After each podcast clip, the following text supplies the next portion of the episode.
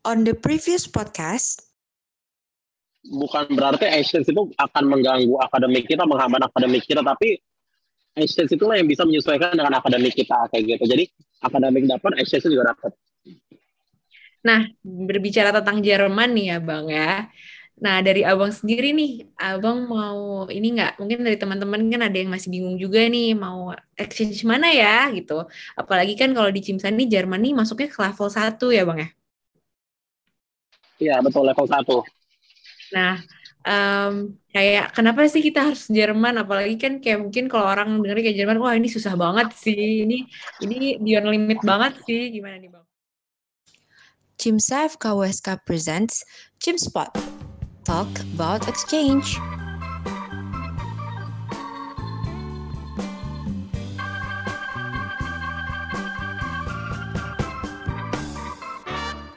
Ya, kalau untuk level, jadi kalau mungkin teman-teman yang mungkin belum familiar dengan level-level di dunia exchange, jadi kita ada level 1, level 2, level 3. Di mana level-level itu menentukan sebenarnya sih derajat kesulitan kita masuk sih kalau gue sepemahaman pribadi gue sih walaupun sebenarnya mungkin ada tujuan-tujuan tertentu kenapa di leveling-leveling seperti itu ya. Nah, kayak tadi Sukma bilang Jerman tuh masuk ke level 1 yang yang artinya berarti memang lumayan sulit untuk kita masuk kayak gitu. Ketika aku ngedaftar di Jerman kemarin itu yang diterima cuma 11 orang sih dari seluruh periode itu. Nah, tapi bukan berarti sulit masuk teman-teman langsung minder jangan kayak gitu I mean kayak uh, apa pun usaha kalian untuk mendapatkan Jerman itu percaya uh, sama gue itu benar-benar worth it itu karena satu kalau kalian mau cari uh, dalam hal akademik kalian pengen belajar dunia kedokteran Jerman itu kayak top notch-nya lah kalau di Europe kayak gitu jadi kalian pulang ke Indonesia pasti akan ada hal baru yang bisa kalian sharing ke teman-teman kalian terutama di bidang kedokteran kemudian yang kedua nih, kalau mau bicara mengenai, oh gue pasti kalau Essence nggak nggak akan dipungkiri pasti ada orang-orang yang pengen Essence sambil jalan-jalan itu pasti nggak akan dipungkiri. Even gue sendiri juga pengen jalan-jalan kayak gitu. Nah, Jerman itu adalah negara yang menurut gue letaknya itu sangat strategis. Kayak lo pengen ke Swiss dekat, lo pengen ke Prancis dekat, lo pengen ke negara-negara lain di sekitarnya juga dekat ke Belanda dan lain-lain kayak gitu. Jadi buat kita strolling around um, di berbagai negara di sekitar Jerman juga bisa. Dan Jermannya sendiri itu juga memiliki budaya yang menurut gue itu nggak habis-habis buat di dan uh, alamnya juga menurut gue oke okay sih kayak Black Forestnya atau mungkin teman-teman yang pengen ngerasain uh, skating atau pengen ngerasain salju juga bisa dapat di Jerman. Kemudian yang ketiga itu um, kalian bisa dapat budaya dan kultur baru yang kayak bener-bener baru sih menurut aku yang mungkin uh, gue nggak bisa bilang 100% berbeda ya, tapi mungkin ada ya sekitar 70 sampai 80% berbeda yang nggak akan kalian dapatkan di Indonesia kayak gitu. Jadi tiga hal itu sih yang menurut aku patut dan layak buat diperjuangin teman-teman sih untuk berani coba uh, apply untuk exchange ke Jerman kayak gitu. Dan satu lagi tadi oke okay, aku singgung ya di Jerman itu kalian dapat uang saku dan beberapa akomodasi lainnya yang menurut aku mungkin di beberapa negara lain nggak akan dapat kayak gitu jadi ya kalian harus coba sih kalau memang pengen uh, ikut exchange. Nah, gitu. bang, tadi uh, Sukma mau nanya nih, um, tadi tentang kan tadi abang uh, dari Cimsa Jermannya langsung yang ngasih kos tadi yang 200 euro ke abang. Nah, ini emang berlaku bagi seluruh uh, outgoing atau gimana nih bang? Apa kita harus uh, ngajuin sponsor dulu atau gimana nih bang?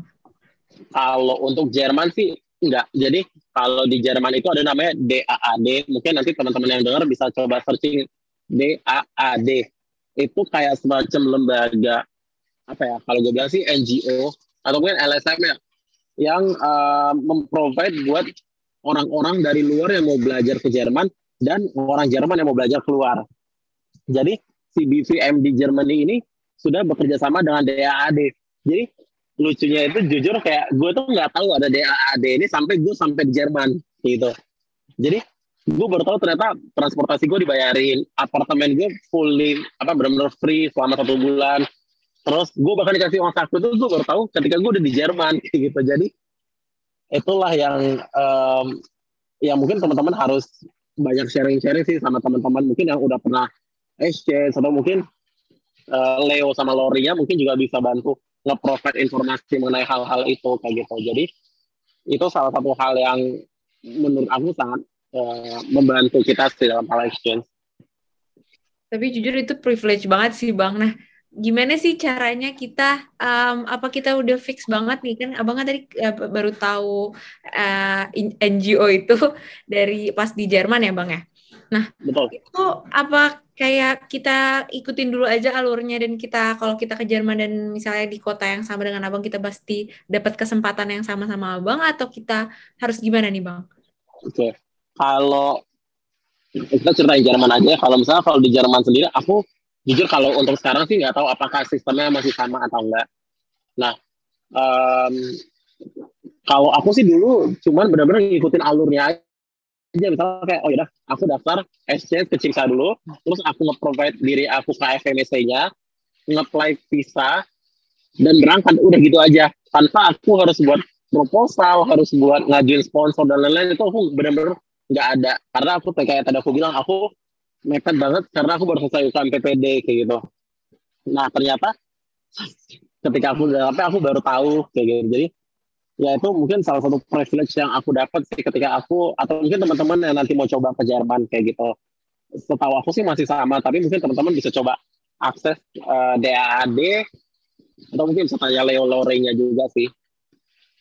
Oke bang, berarti kita ini ya bang ya, berarti tergantung negaranya juga kan bang ya? Betul. Oke. Nah, Bang, tadi kan ada banyak banget nih pengalaman-pengalaman yang Abang ceritain ke Sukma, kayak tadi di rumah sakit, inisiatif-inisiatif um, dari teman-teman Abang, dan juga sistem kerjanya, dan itu sih kalau yang dari Sukma lihat sih kayak, wah berarti banyak banget, nggak cuma kita ke negara orang, kita, maksudnya kita dapat uh, hal yang baru, tapi juga kita banyak dapat pelajaran kan Bang ya di sana benar banget kalau untuk akademiknya sih aku berani jamin kalian akan dapat walaupun nanti mungkin kalau buat teman-teman yang masih preklinik mungkin akan butuh penyesuaian lebih ya kayak gitu karena belum terpapar dengan praktek sesungguhnya kayak gitu. Nah, kalau aku sih privilege aku karena aku sudah menyelesaikan koas waktu itu udah melewati fase bedah itu aku lebih dan kutip lebih terbiasa ya dengan uh, apa yang mereka lakukan di sana bahkan aku juga punya privilege kayak nggak cuma belajar teori ini tapi aku benar-benar bisa ikut operasi bisa ngelihat oh ini loh yang kita operasi oh ini loh teknologi mereka kayak gitu. Oh gini loh cara mereka merawat pasien sebelum dan sesudah operasi kayak gitu. Jadi apa yang kita sudah pelajari di buku teori kita selama kita di dunia kedokteran itu akan digunakan juga nanti di Jerman kayak gitu. Jadi uh, gak usah khawatir sih kalau misalnya nanti oh gimana kalau aku masih preklinik tapi aku pengen bedah kayak gitu. Nah, Bang, menurut Abang sendiri nih, kita tuh sebenarnya apa kita dari preklinik daftarnya atau um, um, kayak Abang nih atau kayak gimana nih menurut Abang sendiri? Apa soalnya kan banyak nih teman-teman yang pengen daftar tapi masih bingung daftarnya mau kapan ya di hmm. waktu yang kosong atau kayak gimana ya kayak gitu sih bang. Okay kalau aku sih yang harus aku tekanin adalah jangan sampai exchange mengganggu akademik. Itu udah pasti. Uh, nggak masalah sih kalian mau ngambil pada saat preklinik ataupun saat clinical rotation atau pada saat koas kayak gitu. Nah uh, balik lagi. Kapan kalian punya waktu kosong? Itu harus benar-benar kalian prepare sih. Misalnya oh aku pengen uh, exchange pada saat preklinik pada saat libur semester. It's okay kayak gitu. Oh aku ingin um, exchange pada saat aku setelah menyelesaikan UKM PPD kayak gitu ya itu mungkin pilihan aku. Ada juga orang yang misalnya nih aku uh, exchange setelah UKM PPD sebenarnya sih jujur aku dulu agak gambling ya kayak eh kalau aku nggak lulus UKM PPD gimana ya? Aku lagi exchange di Jerman kayak gitu. Itu ada juga ketakutan-ketakutan yang aku alami kayak gitu. Nah cuman nggak usah khawatir kayak gitu. Jadi balik lagi um, akademik jangan eh sorry exchange jangan sampai mengganggu akademik kapan kalian punya waktu kosong dan kapan uh, passion kalian itu benar-benar pengen kalian salurin kayak gitu. Misalnya kayak aku bedah kayak gitu. Kalian ngambil pada saat preklinik juga nggak ada masalah sih menurut aku. Toh uh, itu akan menjadi bekal kalian saat koas kayak gitu. Nah kalau kita pada saat koas baru ngambil action, lihat beda tuh uh, cara pandangnya. Oh aku udah koas nih, udah ada praktek. Aku akan berusaha uh, menambah ilmu praktek aku dan aku akan berusaha mencoba mengaplikasikan apa yang sudah aku pelajarin kayak gitu. Jadi uh, nggak usah khawatir mau ngambil training ataupun saat klinik. Yang penting kalian punya waktu yang benar-benar tidak mengganggu akademik dan kaliannya juga punya waktu untuk nggak cuman belajar gitu, tapi juga kalian berhak untuk mendapatkan waktu untuk social program gitu sih. Wah iya sih bang.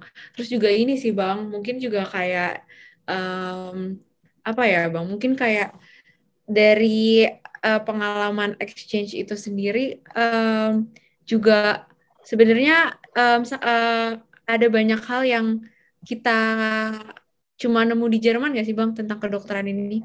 Atau gimana nih dari abang? Um, sebenarnya sih gimana ya kalau aku bisa bilang sebenarnya penyakitnya yang kita hadapin sama. Teknologinya sih mungkin Indonesia nantinya akan mempunyai itu ya kayak gitu. Cuman mungkin uh, keilmuan kita dengan mereka tuh mungkin ada cara pandang yang berbeda ya. Contoh misalnya kalau Indonesia nih oh ada operasi kita harus angkat batu empedu misalnya. Oh kalau di sana mereka lebih prefer menggunakan laparoskopik. Oh kalau kita di Indo misalnya lebih prefer laparotomi kayak gitu. Atau kita lebih prefer buka buka perutnya kayak gitu.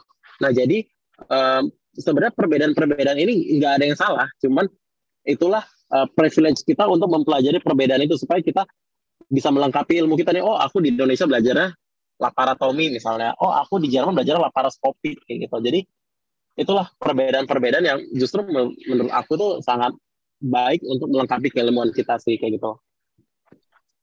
Bang, udah banyak banget nih. Tadi dari tadi um, sharing-sharing yang kita udah lakuin, udah banyak banget pertanyaan-pertanyaan yang wah gila sih. Um, kayak semua jadi jadi pengen lebih tahu lagi sih tentang apalagi terkhusus tentang Jerman sih Bang. Karena dari cerita-cerita Abang menarik banget sih tadi apalagi kayak um, kita karena du, uh, awalnya pemikir tuh di sana kita bakal kayak yang paling ditakutin dari teman-teman mungkin ada beberapa teman-teman yang uh, dekat sama Sukma juga yang mau exchange mereka tuh takut banget FOMO bang. Fear of missing out. Karena kayak karena kayak ya gitu kan. Tapi ternyata dari cerita-cerita abang tadi wah teman-teman tenang aja kita pasti akan terarahkan kok kalau di sana tidak akan lost aja. Nah Benar. ini terakhir nih bang, mungkin abang um, ada pesan nih buat pendengar-pendengar kita uh, mengenai tentang exchange, kayak seberapa pengaruhnya exchange buat hidup abang dan kayak apa nih pesan-pesan buat pendengar kita bang? Oke, okay. kalau apa sih pengaruh exchange buat aku ya? Uh, yang aku rasain banget adalah ilmu aku jadi sangat bervariasi sih. Aku belajar hal baru yang aku nggak dapat di Indonesia kayak gitu. Walaupun mungkin um, praktikalnya mungkin nggak bisa langsung serta merta kita aplikasikan di Indonesia, tapi setidaknya kita tahu nih ada hal baru yang buat yang bisa kita pelajari nantinya. Kemudian kalau untuk masalah budaya-budayanya itu aku sangat-sangat apa ya benar-benar nggak bisa aku lupain sih. Aku punya pengalaman belajar budaya bahkan aku yang notabene seorang muslim aku bisa belajar nih gimana sih budaya mereka ketika melaksanakan Natal seperti mungkin aku nggak akan dapetin ketika aku di Indonesia seperti itu. Terus uh, ketika aku sudah selesai sudah kembali ke Indonesia yang aku rasakan adalah itu menambah CV tidak secara langsung kayak ketika aku ngelamar kerja ya ketika aku melamar apa pun itu orang ngeliat ih uh, Agung pernah menjadi intern kalau kita kan menyebutnya intern yang di sana. Ih pernah jadi intern di Jerman dalam hal general surgery itu nambah CV gitu. Terus um, apalagi yang bisa kalian dapetin kayak gitu. Teman baru itu juga pasti. Aku bahkan sampai sekarang tuh masih sering kontak-kontakan sama temen aku yang dari Ghana kayak gitu.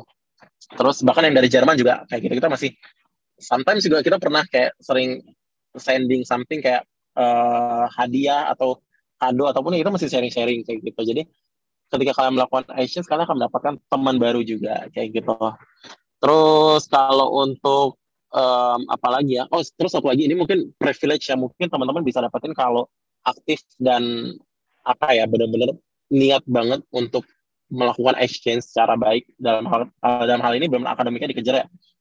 Itu aku sebenarnya mendapatkan rekomendasi untuk bisa melanjutkan studi ke Jerman kayak gitu. Jadi kayak sebenarnya sih belum secara formally maksudnya belum secara official kayak yaudah ini gue kasih surat lo bisa lanjut sekolah. Enggak juga sih tapi kayak si profesor atau si profesor aku tuh udah bilang kayak kamu kalau mau sekolah di Jerman udah datang aja nanti sama saya nanti saya bantu kayak gitu nanti mungkin teman-teman akan ada momen seperti itu kayak mungkin teman-teman yang pengen lanjut S2-nya ke Jerman atau pengen pengen ngambil spesialis ke Jerman secara tidak langsung melalui exchange ini kalian akan mendapatkan jalan sih seperti itu. Nah, kalau untuk pesan yang aku ingin sampaikan ke teman-teman adalah yang pasti jangan takut untuk mencoba. Nah, karena uh, mungkin masih banyak tuh stigma-stigma yang kayak ih ke Jerman susah, ih visanya ribet, ih pasti biayanya mahal gitu. Nah, itu teman-teman gak usah khawatir karena yang udah aku alami adalah um, dari tim saya itu sangat membantu aku untuk membantu uh, dari proses pendaftaran, kemudian kontak aku ke Jerman, berkas-berkas yang aku butuhin, pun dari hostnya sendiri Cimsa Jerman itu juga sangat membantu aku untuk mengatasi segala kebingungan aku yang jujur waktu aku berangkat exchange itu adalah pengalaman aku pertama kali ke Eropa aku sebelumnya belum pernah ke Eropa kayak gitu terus um, jangan takut juga kalau misalnya teman-teman mau milih negara apa aku sih nggak men apa ya tidak mengkhususkan Jerman ya dalam hal ini kalau mungkin teman-teman lebih punya preferensi lain oh mungkin pengennya ke Jerman eh sorry ke Jepang atau mungkin ke Prancis, ke Italia. Nah itu teman-teman gak usah khawatir. Explore aja tuh kemungkinan-kemungkinan yang bisa teman-teman dapetin dapetin di negara tersebut kayak gitu. Pun baik itu di level 1, 2, 3, teman-teman gak usah khawatir untuk bersaing kayak gitu. Gak usah coba, eh, gak usah takut untuk mencoba kayak gitu. Karena siapa tahu um, teman-teman adalah salah satu yang beruntung untuk mendapatkan kesempatan exchange ke negara level 1 tersebut kayak gitu. Kayak kalau aku dari Unsia bisa terpilih dari satu dari sebelas orang mewakili Indonesia untuk bisa exchange ke Jerman di periode pendaftaran itu kayak gitu kayak yang kepilih itu yang lainnya kayak UI, UGM, Unpad, Unair dan lain-lain kayak gitu. Jadi nggak usah khawatir teman-teman untuk mau coba kayak gitu. Terus uh, yang mau gue tekanin adalah ketika kalian udah dapet nih exchange-nya udah da udah datang ke negara tujuan, jangan takut untuk mengeksplor diri kalian uh, terhadap lingkungan sekitar kayak gitu baik itu dalam hal budaya, makanan, akademik, uh, strolling around, misalnya mau mau jalan-jalan ke mana silahkan selama memang akademiknya tidak tertinggal karena tujuan utama kita melakukan exchange adalah kita ingin mendapatkan ilmu baru dalam hal baik itu research ataupun dalam hal uh, praktek kedokteran seperti itu. Mungkin itu sih yang bisa aku sampaikan Sukma. Wah, makasih banget ya Bang Agung. Sebelumnya juga uh, Sukma mau terima kasih banget nih buat Bang Agung yang udah nyempetin waktunya buat hadir di podcast kita pada hari ini, podcast perdana nih Bang. Dan um, dari tadi yang Sukma tangkap nih Bang, buat teman-teman juga pokoknya ya, nggak cuma hard skill doang nggak sih Bang yang kita gunain buat exchange nih?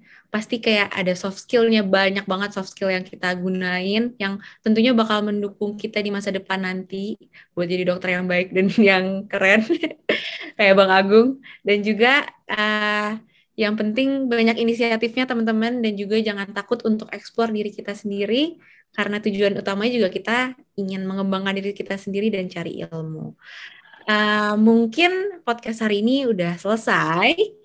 Dan um, um, mungkin uh, bagi teman-teman yang mau request lagi buat uh, kita tambah podcast mungkin bisa komen.